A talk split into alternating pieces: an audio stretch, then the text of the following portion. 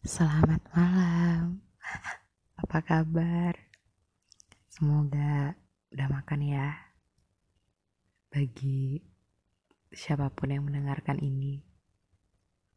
Semoga udah makan. Hmm, hari ini hari yang baik. Hari yang menyenangkan. Hari yang lebih berarti dari hari yang sebelumnya padahal aku juga nggak gitu-gitu banget sih biasa aja. Tapi setidaknya semakin hari semoga dengan uh, membaca buku ini hmm, persepsi kita tentang hari-hari yang kita jalani jadi lebih berubah lebih positif biar kitanya juga semangat Bismillahirrahmanirrahim. Kali ini aku bakalan bacain bab 2, judulnya Sebuah Filosofi yang Realistis.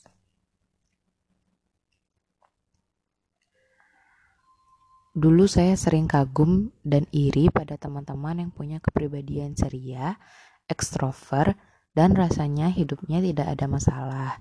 Rasanya setiap bertemu mereka, senyum, canda, dan tawa selalu mengelilingi keseharian mereka. Ini sungguh kontras dengan penampakan saya yang selalu digambarkan terlalu serius. Jika berjalan saja saya sering menundukkan kepala. Karenanya dulu saya terkadang memikirkan bagaimana mengubah kepribadian saya. Bagi saya, seseorang yang bahagia harus seperti teman-teman saya tadi, selalu tampak tersenyum dan tertawa. Bisa ditebak usaha mengubah kepribadian ini gagal total. Cetakan saya sudah seperti ini. Saya mulai terpikir, bisakah saya bahagia tanpa mengubah kepribadian asli saya? Yok.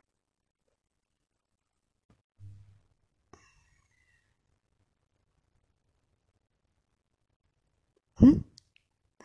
Lol banget, abaikan kalau Anda mendengar suara-suara yang tidak sepatutnya ada di dalam rekaman ini. Males banget ngekat-ngekat. Maaf ya yang bacain orangnya begini. Lanjut. Artikel The Tyranny of Positive Thinking Can Threaten Your Health and Happiness. Tirani berpikir positif dapat mengancam kesehatan dan kebahagiaan Anda.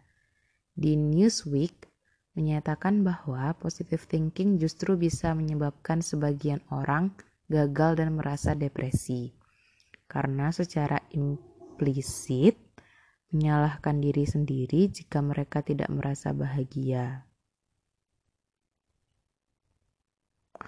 Oh, positive thinking itu bikin dampaknya untuk sebagian orang adalah mereka merasa gagal dan depresi karena secara nggak sadar mereka menyalahkan diri sendiri. Misalnya kita sedang merasa terpuruk karena tidak lulus ujian. Kesedihan ini masih ditambah lagi kita menjadi merasa bersalah karena merasakan kesedihan itu sendiri. Oh, aku paham. Saya harusnya bisa positive thinking. Kenapa saya masih merasa sedih? Kalau kalau di aku ngerasanya kayak gini nih. Hmm,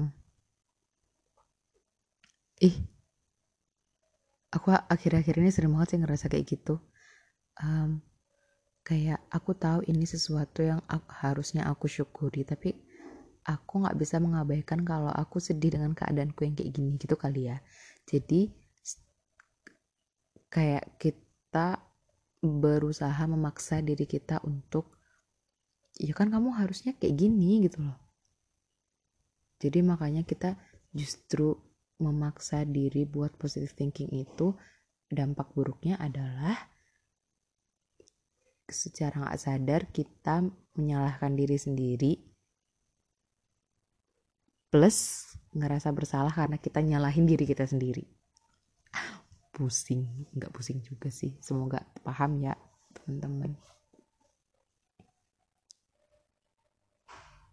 ini bagaikan kena tinju dua kali Dan tinju yang kedua merasa bersalah karena tidak bisa bahagia, justru yang lebih merusak dibandingkan kegagalan saat ujian itu sendiri. Julie Norem, profesor psikologi dari Wellesley College, yang menjadi narasumber artikel tersebut, meneliti mengapa beberapa orang justru memberi respon lebih baik terhadap peristiwa negatif, sebuah sikap yang disebutnya sebagai pesimisme defensif.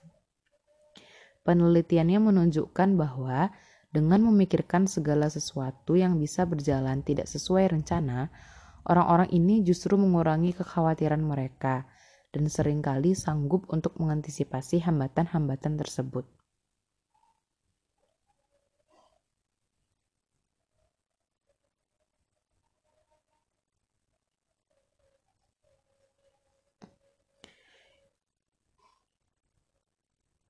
Dari artikel yang sama, penulis Barbara Ehrenreich menyalahkan krisis finansial 2008 kepada para investor yang menolak untuk memikirkan kemungkinan yang buruk.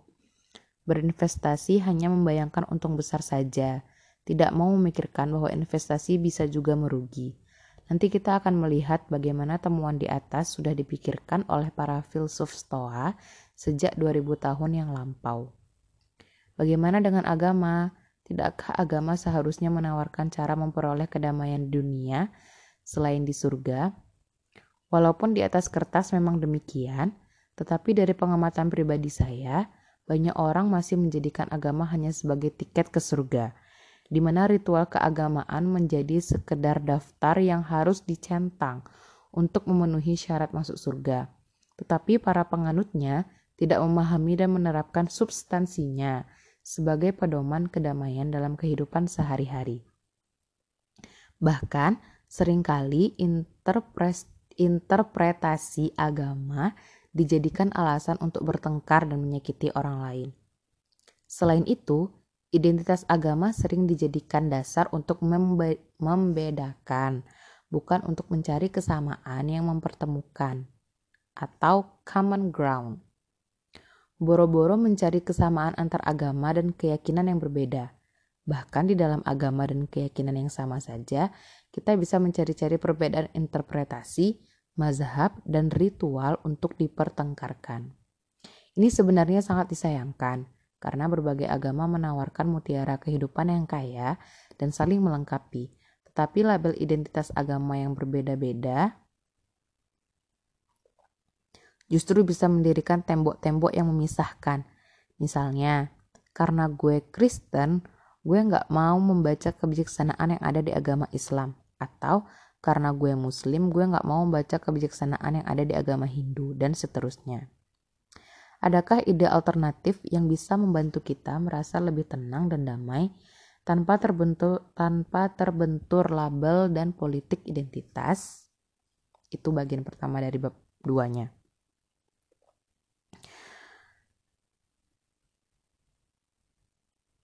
Aku sih ngerasanya kayaknya ini tuh apa tuh namanya?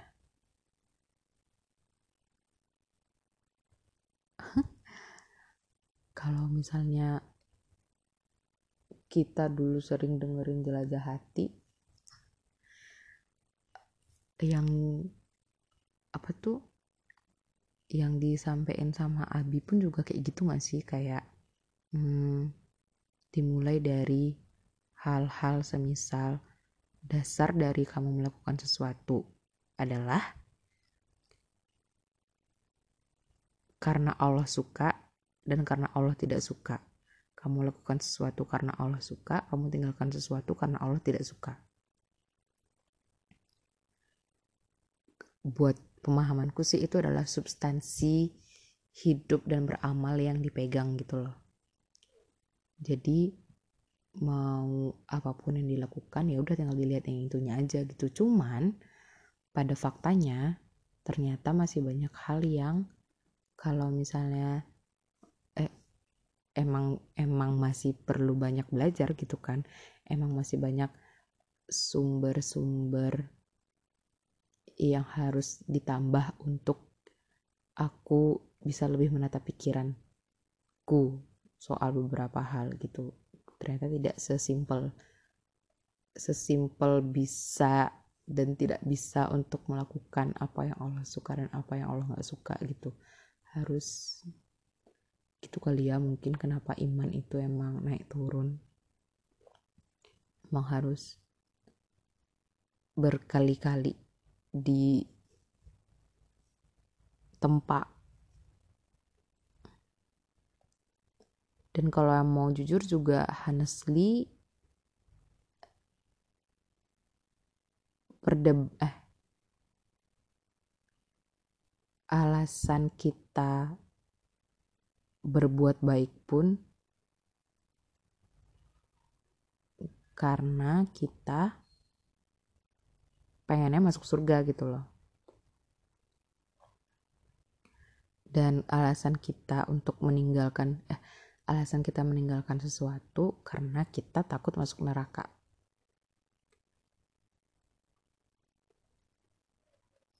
Nah, ini kali ya yang dibilang sama penulisnya gitu. Substansinya nggak ada kalau hanya sekedar itu seolah-olah itu hanya jadi sekedar daftar yang harus dicentang.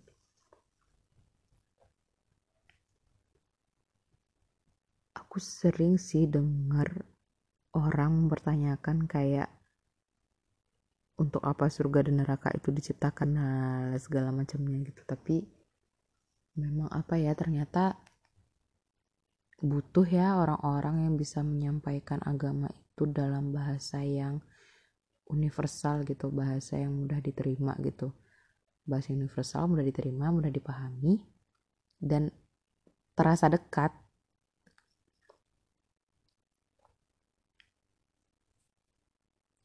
Semoga adalah ya nanti orang-orang yang bisa seperti itu. Lanjut, part kedua dari bab 2-nya, filosofi teras. Kira-kira 300 tahun sebelum masehi, atau sekitar 2300 tahun yang lalu. Masih lebih tua Islam ya? Eh, kagak nap. Kalau Islam enggak lah uh -uh, lebih tuaan ini. 1400 tahun 2300 tahun ya lebih tuaan ini. Maafkan kerendoman aku. Seorang pedagang kaya dari Siprus sebuah pulau di selatan Turki bernama Zeno melakukan perjalanan dari Phoenicia ke Peiraeus. Peira Peiraeus. Nggak ngerti lah ini cara bacanya gimana. Dengan kapal laut melintasi laut Mediterania Zeno membawa barang dagangan khas daerah Phoenicia yaitu semacam pewarna tekstil berwarna ungu yang sangat mahal yang sering dipakai untuk mewarnai jubah raja-raja. Pewarna ini dibuat dari ekstrak siput laut dan proses pembuatannya sangat melelahkan. Karena ribuan siput laut ini harus dibuka dengan tangan hanya untuk mendapatkan beberapa gam ekstrak pewarna. Karenanya tidak heran barang ini sangat berharga dan mahal. Siput laut emang ada po? Eh nantilah aku kepo siput laut bentuknya apa. Malang tidak bisa ditolak kapal yang ditumpangi Zeno karam. Zeno tidak hanya kehilangan seluruh barang dagangannya yang teramat mahal, tetapi ia juga harus terdampar di Athena. Ini tentunya sebuah cobaan yang besar. Tidak hanya kehilangan harta benda, tetapi juga harus menjadi orang asing yang luntang-lantung di kota yang bukan rumahnya. Suatu hari di Athena, ia pergi mengunjungi sebuah toko buku dan menemukan sebuah buku filsafat yang menarik hatinya. Ia bertanya kepada si pemilik toko buku, di manakah ia bisa bertemu dengan filsuf-filsuf seperti penulis buku itu. Kebetulan saat itu melintaslah Krates, seorang filsuf aliran sinik, dan sang penjual buku menunjuk kepadanya. Zeno pun pergi mengikuti Krates untuk belajar filsafat darinya. Zeno kemudian belajar dari berbagai filsuf yang berbeda. Kayak itu gak sih? Salman Al Farisi uh -uh, sam kayak Salman Al Farisi pergi berguru ke satu guru dan guru lainnya. Sama Imam Syafi'i juga. Zeno kemudian belajar dari berbagai filsuf yang berbeda. Dan kemudian ia pun mulai mengajar filosofinya sendiri. Mirip Imam Syafi'i ia senang mengajar di sebuah teras berpilar dalam bahasa Yunani disebut stoa yang terletak di sisi utara dari agora, tempat publik yang digunakan untuk berdagang dan berkumpul. Mungkin semacam alun-alun Yunani kuno ya di kota Athena.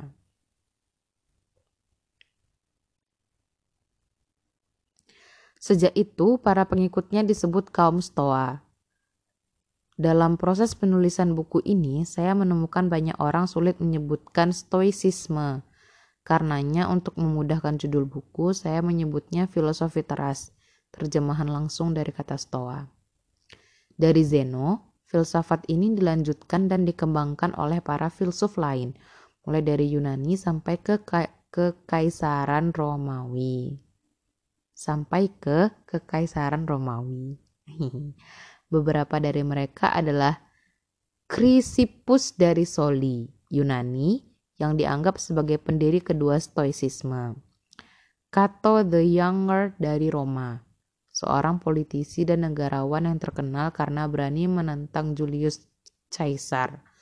Lucius Seneca dari Roma, seorang filsuf negarawan. Seorang filsuf, negarawan, penulis drama.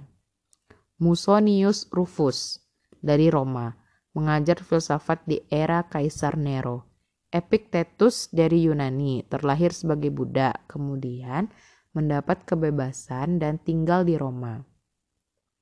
Dan Kaisar Marcus Aurelius, yang dikenal sebagai salah satu dari lima kaisar yang baik, the five good emperors. Stoicisme kemudian meredup di awal abad keempat, ketika Kekaisaran Romawi mengadopsi agama Kristen sebagai agama resmi negara. Oh ini fakta yang menarik. Sekarang di abad 21, di belahan dunia barat, filosofi ini mulai populer kembali dengan buku-buku dan presentasi yang memperkenalkannya kembali ke publik. Seperti karya-karya dari William Irvine, Tim Ferriss, Ryan, Ryan Holiday, dan Massimo Pigliucci. Bahkan, sekarang ada acara tahunan Minggu Stoa atau Stoic Week pada sekitar bulan Oktober sampai November, di mana para peminat stoicisme dari seluruh dunia bisa bersama-sama melakukan refleksi dan mempraktikkan filosofi ini selama seminggu dengan panduan online. Saat mempelajari stoicisme, saya menemukan filosofi ini jauh dari mengawang-awang, atau lebih dari sekedar konsep yang abstrak dan intelek. Intelek, intelek, aduh, I don't know.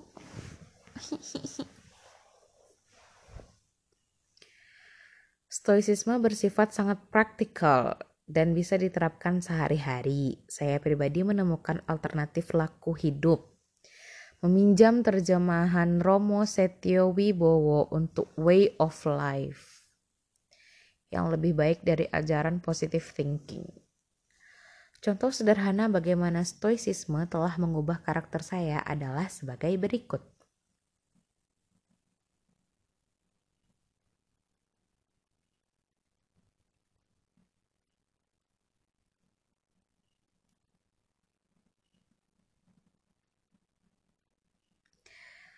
Dahulu saya bisa berubah menjadi orang yang sangat pemarah jika terjebak di dalam kemacetan saya bisa sangat merasa stres, mengalami peningkatan detak jantung, dan sangat emosional di balik kemudi. Bahkan saat saya hanya menjadi penumpang dan tidak perlu mengemudi pun, saya masih mengalami kemarahan ini. Jika berada di tengah kemacetan, saya merasa stuck, terjebak frustrasi dan hal ini membuat saya murka. Perilaku saya sudah sampai mengganggu keluarga. Setelah menemukan dan belajar mempraktikkan stoicisme, saya berubah drastis. Kemacetan sudah tidak membuat saya emosional lagi. Bahkan ketika menghadapi perilaku pengguna jalan lain yang terkadang ajaib dan membuat saya ingin mengelus dada ayam. Lapar aku tiba-tiba.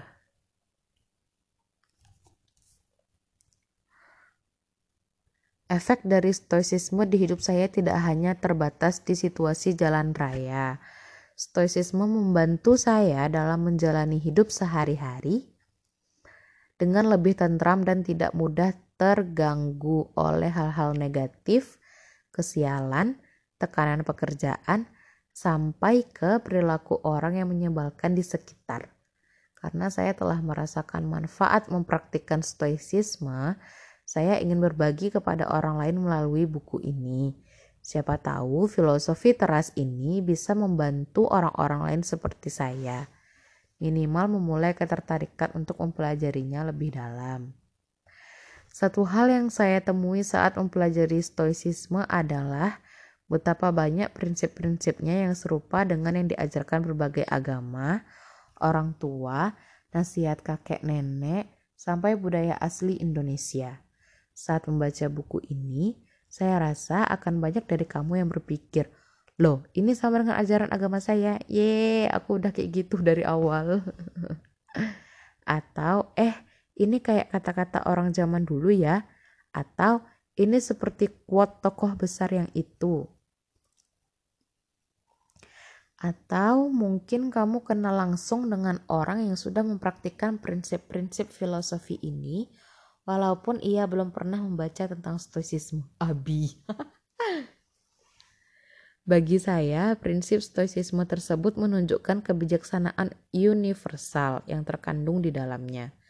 Selain itu, karena ini adalah sebuah aliran filsafat dan bukan agama atau kepercayaan, seharusnya tidak terjadi tembok dan benturan-benturan yang umum timbul dengan ide-ide yang memiliki label agama. Saya merasa kelebihan stoicisme adalah sifatnya yang kompatibel dan komplementer dengan berbagai kepercayaan. Dari yang sangat religius sampai agnostik sekalipun bisa mendapat manfaat dari mempelajari stoicisme. Stoicisme juga tidak bersifat dogmatis, karena ia bukan agama yang memiliki aturan mutlak yang tidak boleh dilanggar atau ada ancaman masuk neraka jika tidak dilakukan. Di luar ajaran-ajaran mendasar, para filsuf Stoa memiliki pengajaran yang tidak seluruhnya seragam satu sama lain. Sebagai filosofi, ia terbuka untuk diperdebatkan atau diadaptasi menurut kebutuhan masing-masing. Buku ini lebih memusatkan pada prinsip-prinsip dasar filosofi teras yang bisa membantu kita menjalani hidup dan ketidakpastiannya. Pada akhirnya, Praktisi stoicisme lebih mementingkan praktik nyata dan manfaatnya di dalam hidup mereka ketimbang meributkan dogma dan teks.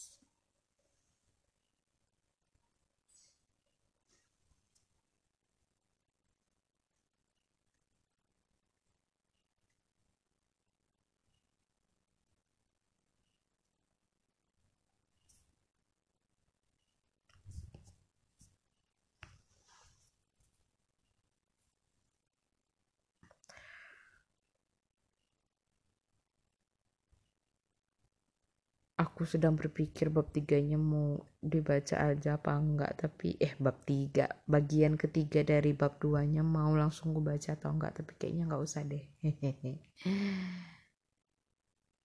Bagian ketiganya judulnya apa? Tujuan utama dari filosofi teras. Aku bikin di podcast terpisah aja ya. Iya aja deh. Apa sih sejauh ini sih lebih kurang dari apa yang dia ceritain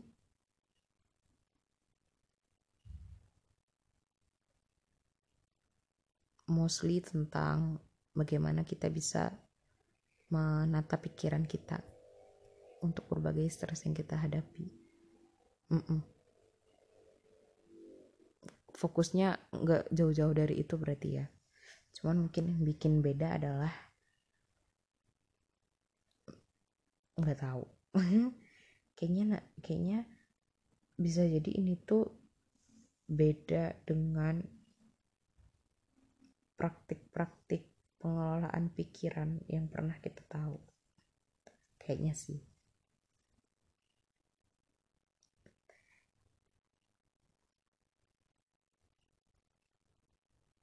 tadi itu bab 2 tentang asal muasal filosofi teras.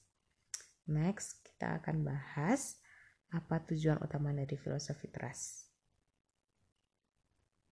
Semoga ini dapat membantu teman-teman. Entah bagaimanapun caranya entah bagaimana kinerjanya tapi semoga ini bisa jadi hal yang membantu teman-teman sekian bab 2 part 1 sampai ketemu di bab 2 part 2 dadah aku tadi nggak tahu aku baca bismillah atau enggak tapi kayaknya ada deh Mari kita tutup dengan alhamdulillah ya alamin. Bye bye. Dadah.